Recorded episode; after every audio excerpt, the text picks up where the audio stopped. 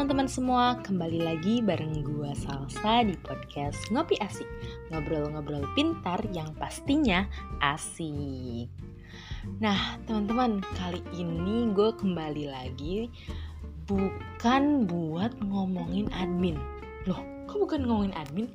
Iya teman-teman, jadi gini Biasanya di podcast ini gue ngomongin administrasi tapi kali ini gue dapet tugas baru dari mata kuliah metodologi penelitian. Nah, tugasnya itu kita nge-review setiap materinya dan di reviewnya bisa lewat podcast. Nah, gue memilih podcast karena gue ngerasa gue udah punya podcast, jadi uh, sekalian aja gitu gue bikin tugasnya di sini gitu. Nah, jadi kali ini gue bakal ngomonginnya tentang metodologi penelitian. Nah, buat review kali ini gue bakal jelasin sepemahaman gue aja.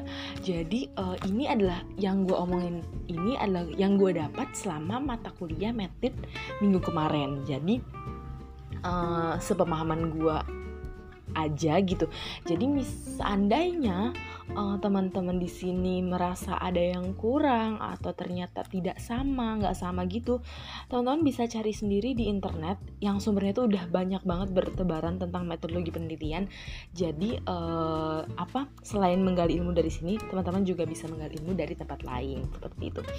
Nah, langsung aja kita bahas tentang yang pertama itu yang bakal gue bahas adalah etnografi. Hmm, etnografi. Kalau gue sendiri dengar kata etnografi langsung mikirnya ke budaya. Karena itu yang paling melekat. Jadi ketika kita dengar etnografi, gue gue tuh langsung mikirnya ke budaya gitu. Nah, jadi yang gue paham itu etnografi itu adalah penelitian tentang budaya. Nah, di sini uh, yang paling penting dari etnografi adalah ketika kita penelitian etnografi, kita itu bakal terjun langsung ke lingkungan uh, kelompok masyarakat yang kita bakal teliti nih budaya di situ. Kita kan bakal penelitian budaya, jadi kita bakal terjun ke uh, suatu kelompok masyarakat atau suatu kelompok-kelompok adat tertentu gitu ya. Nah, yang paling penting di, di etnografi adalah kita harus membuat catatan lapangan. Nah, apa itu catatan lapangan? Nah, catatan lapangan itu adalah catatan yang kita uh, yang kita buat ketika kita penelitian etnografi. Nah, bentuk catatannya kayak gimana sih? Bentuk catatannya? Bentuk catatannya tuh kayak kita ngebuat catatan harian. Nah, bentuknya tuh kayak gitu kayak kita membuat catatan harian kalau kita dulu ya zaman kita kecil tuh bikin catatan harian kayak yang uh, hari uh, hari ini tanggal segini jam segini saya pergi ke sekolah lalu uh, di sana saya bertemu ini dia lagi kayak gini uh, habis itu saya ke sini dan bertemu ini lalu jam segini saya ke sini harus sedetail itu gitu. Jadi bikin catatan lapangan itu harus detail banget kayak bikin catatan harian. Nah karena kenapa harus detail banget? Karena kekuatan catatan lapangan itu penting banget. Jadi harus detail harus kuat catatan lapangannya.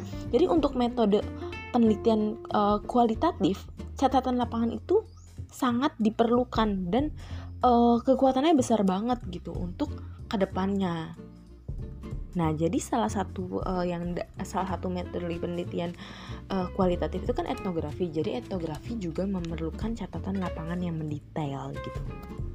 Salah satu contohnya ketika kita contohnya kita penelitian di suatu uh, apa masyarakat kelompok masyarakat pesantren gitu misalkan.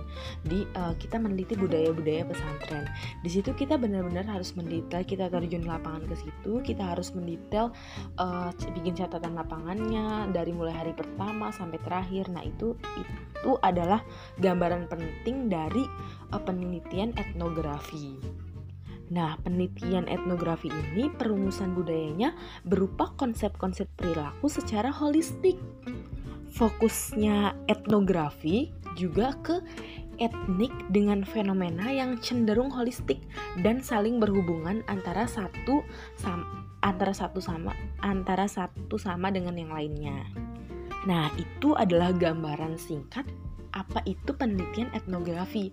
Nah, selanjutnya yang bakal gue bahas adalah grounded theory. Nah, penelitian grounded theory ini penelitian grounded theory ini penelitian yang memfokuskan yang ditujukan untuk uh, suatu penelitian yang kayak uh, belum banyak dikaji gitu fenomena-fenomena yang belum banyak dikaji gitu karena ciri dari grounded theory ini adalah kita tidak memakai teori dulu jadi ketika kita penelitian kualitatif itu kita kan dari teori ke teo menjadi teori jadi kita awal penelitian itu kita membawa teori yang ujung dari penelitian itu adalah kita menghasilkan teori ya nggak nah tapi kalau grounded teori ini kita uh, tidak membawa teori dulu gitu. Jadi grounded teori itu kita uh, diumpamakan kita datang melakukan penelitian itu dengan kepala kosong, yaitu kita tidak membawa teori dulu. Jadi uh, itu kenapa itu kenapa grounded teori ini ditujukan untuk fenomena-fenomena yang belum banyak diketahui teorinya.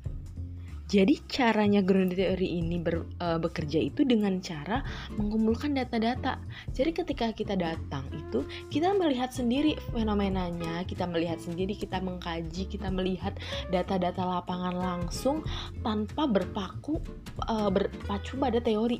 Kenapa sih kita nggak boleh ngambil teori dulu? Karena di grounded theory ini uh, ketika kita membawa teori, kita, dikhawatirkan kita itu bakal uh, stuck dan kayak uh, mentok ke teori itu gitu. Jadi misalkan teorinya bla bla bla seperti ini gitu ya. Uh, ketika kita terjun ke lapangan terus ternyata berbeda kita terlalu terfokus kepada teori itu kita terlalu kayak stuck di teori itu kita uh, percaya bahwa teori itu tuh benar tapi ternyata di lapangannya itu beda gitu. Jadi kenapa grounded theory ini tidak membawa teori? Karena dikhawatirkan si peneliti ini terlalu uh, terfokuskan terpatok pada teorinya gitu jadi nanti uh, si grounded theory ini bekerja kita uh, datang dan mengumpulkan data-data sesuai dengan apa yang kita lihat gitu. Nah, gambarannya gimana sih grounded theory ini? Grounded theory ini gambarannya kita terjun ke lapangan, kita cari data-datanya lewat observasi, lewat riset, wawancara mendalam. Nah, setelah itu kita kaji kita kaji, data-datanya dikaji, lalu dikembangkan menjadi teori. Itu adalah gambaran singkat dari grounded theory. Nah, gitu teman-teman. Jadi gimana? Udah mulai paham antara etnografi dengan grounded theory. Itu adalah dua metode yang uh, berbeda gitu. Uh, sekilas tentang etnografi dan grounded theory, gue berpikir kalau penelitian etnografi dan grounded theory ini sangat menarik gitu. Karena kita bakal kayak meneliti tentang budaya, terus tadi grounded theory itu cukup menantang gitu. Karena kita datang dengan kita tidak membawa teori gitu. Biasanya kita penelitian bawa teori dulu teori awal. Tapi grounded theory ini kita datang tanpa uh, membawa teori itu jujur itu kayak sangat menantang bagi gue dan teman-teman yang dengerin, teman-teman di rumah juga mungkin bisa makai metode gini untuk nanti kalian bakalan skripsi. Jadi kalau kalian skripsi bisa banget nih pakai etnografi atau grounded theory.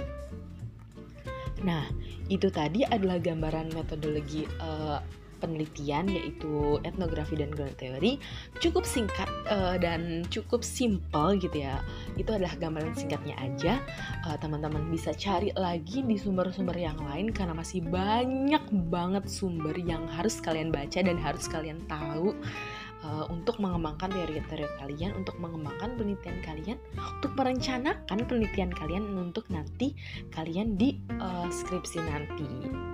Nah, sekian aja dari podcast Ngopi Asik. Gue Salsa pamit undur diri. Sampai jumpa. Semoga podcast ini bisa membantu sedikit untuk kalian menambah ilmu dan semoga podcast ini bisa menemani hari-hari kalian di mana pun kalian berada. Sampai jumpa. thank you